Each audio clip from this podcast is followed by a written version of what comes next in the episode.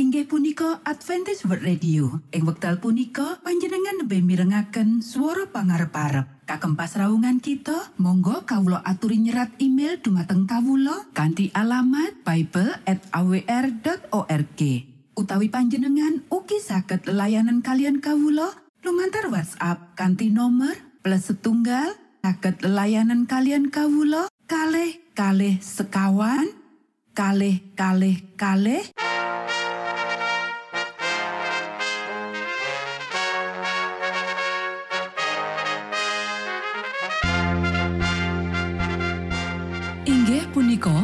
Adventist World Radio ingkang giaran kanthi basa Jawi.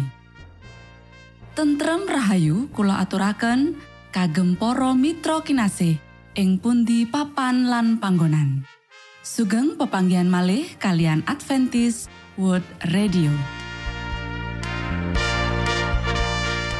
Kanti bingahing manah Kulo badhe sesarengan kalian para mitra kinasih lumantar saperangan adicara ingkang sampun rinonci mligi kagem panjenengan sami. Mugi giaran punika saged migunani tuwin dados berkah kagem kita sedaya. Sugeng midhangetaken Gusti amberkahi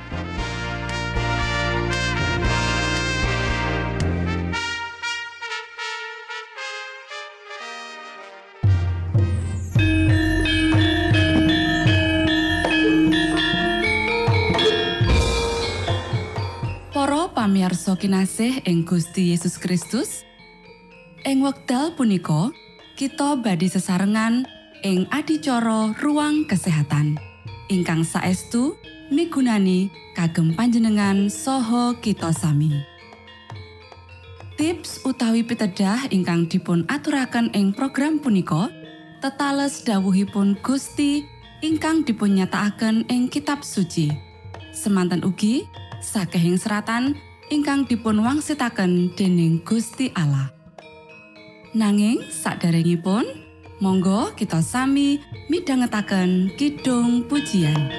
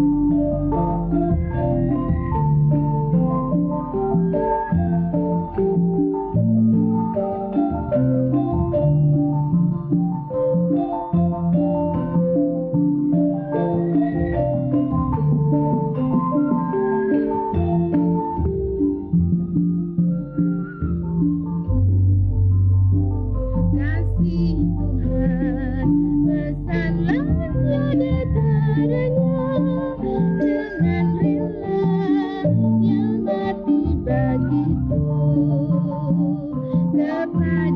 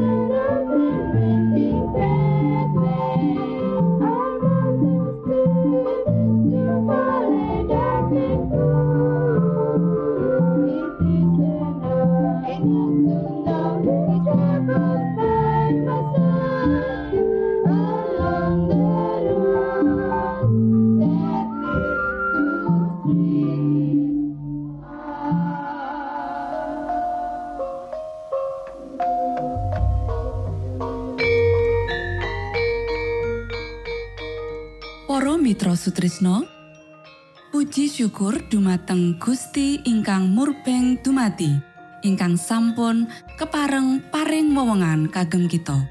Satemah saged nglajengaken ruang kesehatan.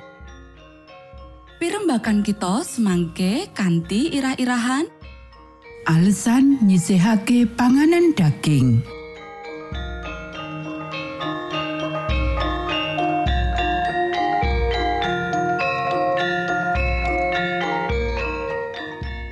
Dumateng para pamiarsa ingkang dahat kinurmatan sugeng pepanggihan malih kalian kula Isti Kurnaidi ing adicara ruang kesehatan. Ing dinten punika kanthi irah-irahan alasan nyisihake panganan daging. Para sedherek ingkang kinasih ing episode kang kapungkur kita wis nyinau babagan alasan nyisihake panganan daging Saiki kita bakal nerusake nyinau babakan alasan nyisihake panganan daging sabanjure. Para sedherek ingkang kinasih, yaiku sawijining kekeliruan menawa nganggep menawa kekuatan otot gumantung ing panggunaane panganan daging. Kabutuhane awak bisa luwih apik lan luwih gedhe kesehatan sing dinikmati tanpa nggunakake panganan daging iku. Wiji-wijian, woh-wohan, kacang-kacangan, lan sayuran ngandhut kabeh gizi sing diperlokake kanggo bentuk getih sing apik. Unsur-unsur iki ora pati apik lan komplit dikepaki dening panganan daging. Menawa panggunaan daging iku penting kanggo kesehatan lan kekuatan, mula panganan saka kewan mesti wis dilebokake sakjroning jenis panganan sing ditemtokake kanggo manungsa wiwit mulane. Para sederek menawa penggunaan daging dilereni asring krasa lemes lan kurang tenaga. Akeh wong nganggep iki dadi bukti menawa panganan daging iku perlu. Nanging iku merga jenis panganan kasebut asipat ngerangsang. Sebab panganan iku manasake getih lan ngerangsang saraf, ninggalake panganan daging padha kaya pemabuk, angel ninggalake omben-ombenane.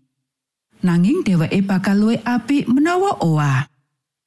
Menawa panganan daging disingkirke, panggonane kudu diganti karo maneka warna jenis wiji-wijian, kacang-kacangan, sayuran, lan wowoan sing bergizi sarta mancing selera. Iki penting banget utamane kanggo dheweke sing ringkeh utawa sing terus-terusan makaryo abot. Ing pirang-pirang negara ing ngendi kamlaratan ngambrah, daging ya iku panganan sing paling murah. Ing kahanan kaya ngene iki, owah-owahan bakal luwih angel dilakoni. Nanging isih bisa dilakoni.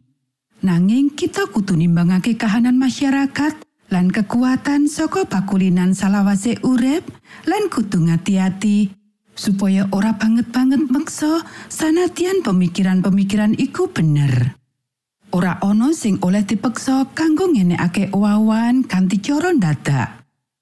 Panganan daging iki kudu diganti karo panganan nyehatake sing murah. Sakjroning bab iki banget gumantung marang juru masak. Kanti ketelitian lan keterampilan, panganan bisa diladekake sak rupa-rupa supaya bisa nduweni gizi lan gugah selera lan sakjroning ukuran sing ombo bakal nggantekake panggonan saka panganan daging. Para sedherek ingkang kinasih, ing sakabehing perkara, ulangan ati nuranimu, kuasa nono kekarepan, sedianono panganan sing apik lan nyihatake. Mula owawan bakal luwih gampang dilakoni lan tuntutan tumrap panganan daging sikro bakal mandek.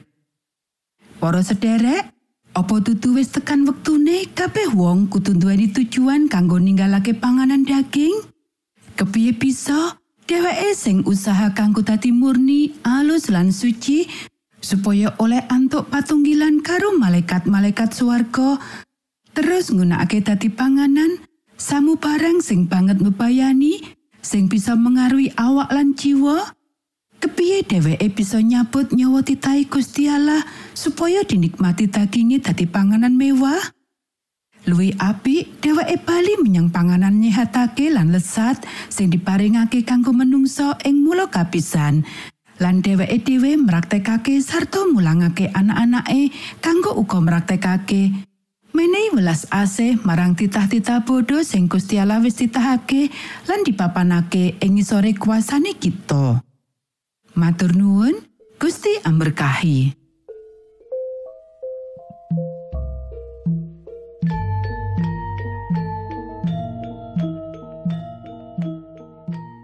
Cekap semanten pimbakan ruang kesehatan ing episode dinten punika. Ugi sampun kuatos jalaran kita badhe pinanggih malih ing episode sak lajengipun.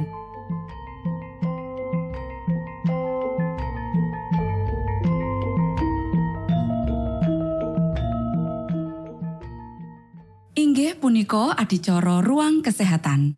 Menawi panjenengan gadah pitakenan utawi ngersakaken katrangan ingkang langkung, monggo kula aturi. Kinton email dateng alamat ejcawr gmail.com utawi lumantar WhatsApp kanti nomor 025 pitu 00 songo songo papat 00 pitu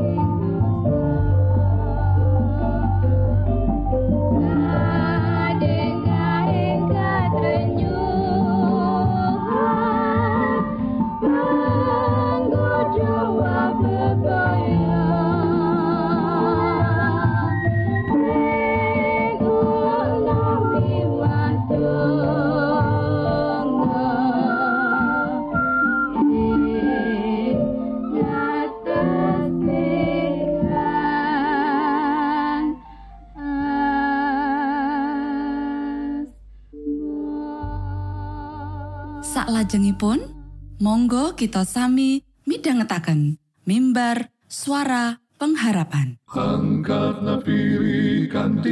pawarto Sang Kristus paderamu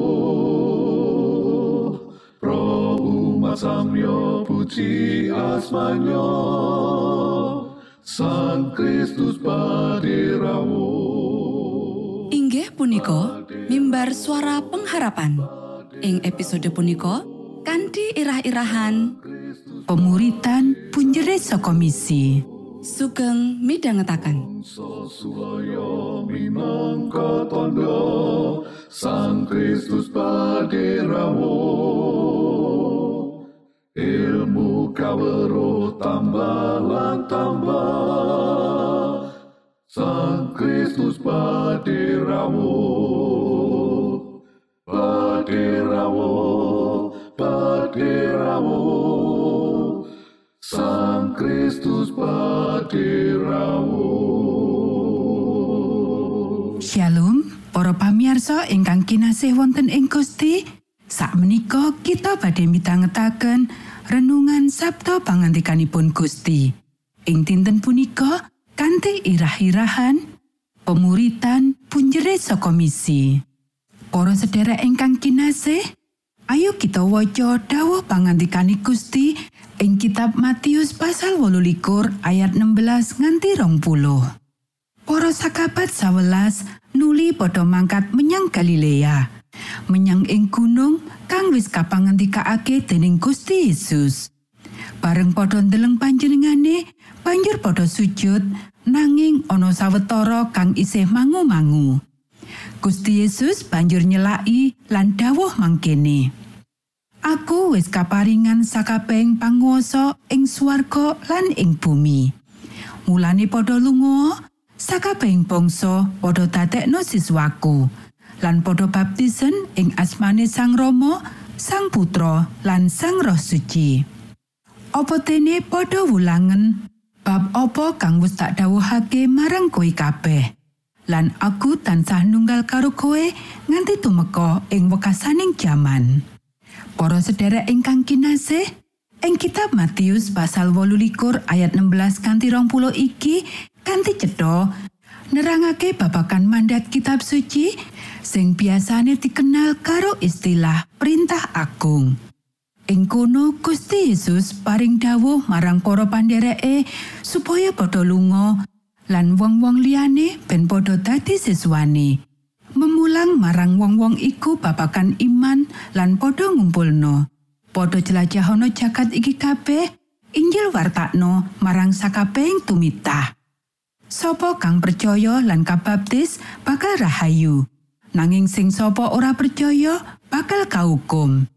Kita bisa maca ing kitab Markus pasal 16 ayat 15 lan 16, Lukas pasal 24 ayat petang puluh papat nganti petang puluh songo, Yokanan pasal rong puluh ayat selikur nganti telulikur, lan lelakoni para rasul pasal siji ayat wolu. Para sedherek ingkang kinasih, perangan kang dadi dasar saka kitab Matius pasal 18 ayat 16 nganti 20 bisa dirunut saka petang pilar kang prasaja. Kapisan, Gusti Yesus paring dawuh marang para sakabate lunga ing Galilea kanggo metuki panjenengane. Matius pasal 18 ayat 16. Kapindo, Gusti Yesus bakal rawuh marang wong-wong iku kanggo nyatakake otoritase lan panguasane. Matius pasal 18 ayat 18. Katelu, Gusti Yesus banjur ngutus para sakabate kanggo ngayahi tugas khusus yaiku pemuritan. Matius pasal 18 ayat 19 lan 20. Kang kapapat, Gusti Yesus paring janji tansah nunggal karo para sakabate nganti pungkasaning jagat. Matius pasal 18 ayat 20. Para sedherek ingkang kinasih, Pemuritan minangka punjere kautaman saka amanat agung kuwi lan iku uga dadi tugas kautamane saka misi. Secara literal ing basa asli Yunani wiwit sakawit saka kitab Matius pasal 18 ayat 19 ngendikake mulane padha lunga sakabehing bangsa padha dadekno siswaku. Surasane mulane iku paring landesan kanggo perintah iku minangka dasare pangandikane Gusti Yesus marang para sakabat ing kitab Matius pasal 28 ayat 18. Kuoso, otoritas lan kedaulatan Gusti Yesus sakabe iki teka saka kamenangane kang antuk saka mikrate Gusti Yesus. minangka wigati sanget gawe tetenger menawa siji kang digawe tembung karya aktif sarana pemantepan ing amanat agung iki minangka dadekno siswa kangge piwulangan para wong-wong iku padha baptisen lan semulurno ajaran Gusti Yesus ing salumaing bumi minangka wujud saka ciri khas proses pamuritan ing ayat iki Gusti Yesus kanthi clentre ngerahake para sakabat ing tunggal tuju pemuritan. Bab iki bener nyoto kang wujude siji saka ayat-ayat kang kegayutan karo misi ing sakabehe kitab suci. Ayat iki pungkasane kanthi janjine Gusti Yesus kanggo terus nunggal karo para pandereke. Cetha banget, Perintah agung kuwi katujokake tutu mung kanggo para murid-murid ing kahanan saklerepan ing wektu kuwi wae. Wong-wong iku ora bisa lunga ing salumeng jagat karo rekodayane dhewe gawe nglakoni misi kang anyar kang wis kaparingan yaiku pemuritan. Mula iku, perintah iku sipate universal ing rengkuhane. Saben pandhereke Gusti Yesus kang sejati, kutune handarbeni ing samubarang kegiatan pemuritan. Luwih wiyare, pakabaran kang disampaiake ya kuwi Injil kang langgeng saka Sang Kristus kang tinuju gawe saindenging jagat tanpa winatesan geografis, sosial lan suku. Monggo kita sami ndedonga. Duh Rama kawula ingkang wonten ing swarga, asma patuko mugi kasucikaken. Kraton patuko mugi rawuh, Karsa patuko mugi kalampahan wonten ing bumi kados dene wonten ing swarga. Kawula mugi kaparingan rejeki kawula sak cekapipun ing dinten punika. Saha patuko mugi ngapunten kalepatan kawula kados dene kawula inggih ngapunteni tetiang ingkang kalepatan dhateng kawula. Punapa dene kawula mugi sampun ngantos katantukaken dhateng ing panggoda. nanging mugi sami patuko uwalaken saking piawon. Awit dene patuko ingkang kagungan kraton saha wiseso tuen kamulyan salami laminipun. Amin.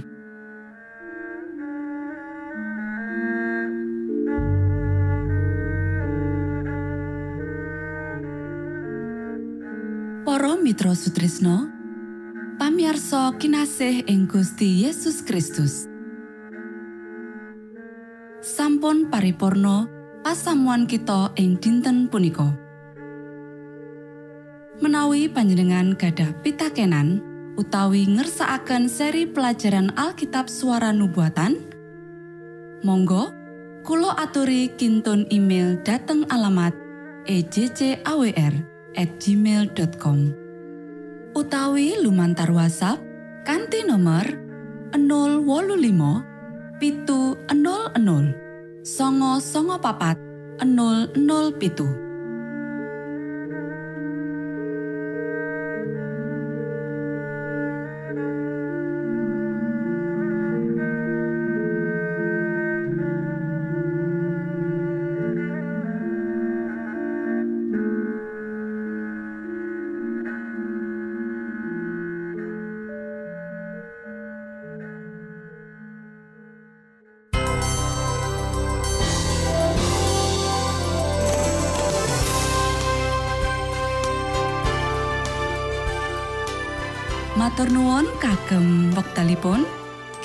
badhe pinanggih malih ing gelombang ugi wekdal ingkang sami. Saking studio kula ngaturaken tentrem rahayu. Gusti amberkahi kita sedaya. Maranata.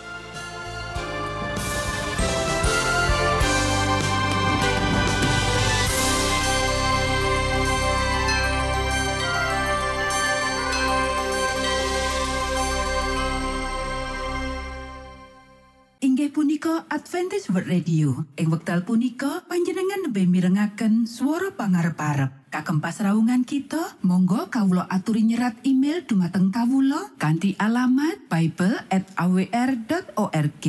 Utawi panjenengan ugi saged layanan kalian kawulo lumantar WhatsApp kanthi nomor plus setunggal saged layanan kalian kawulo kalih kalih sekawan kalih kalih kalih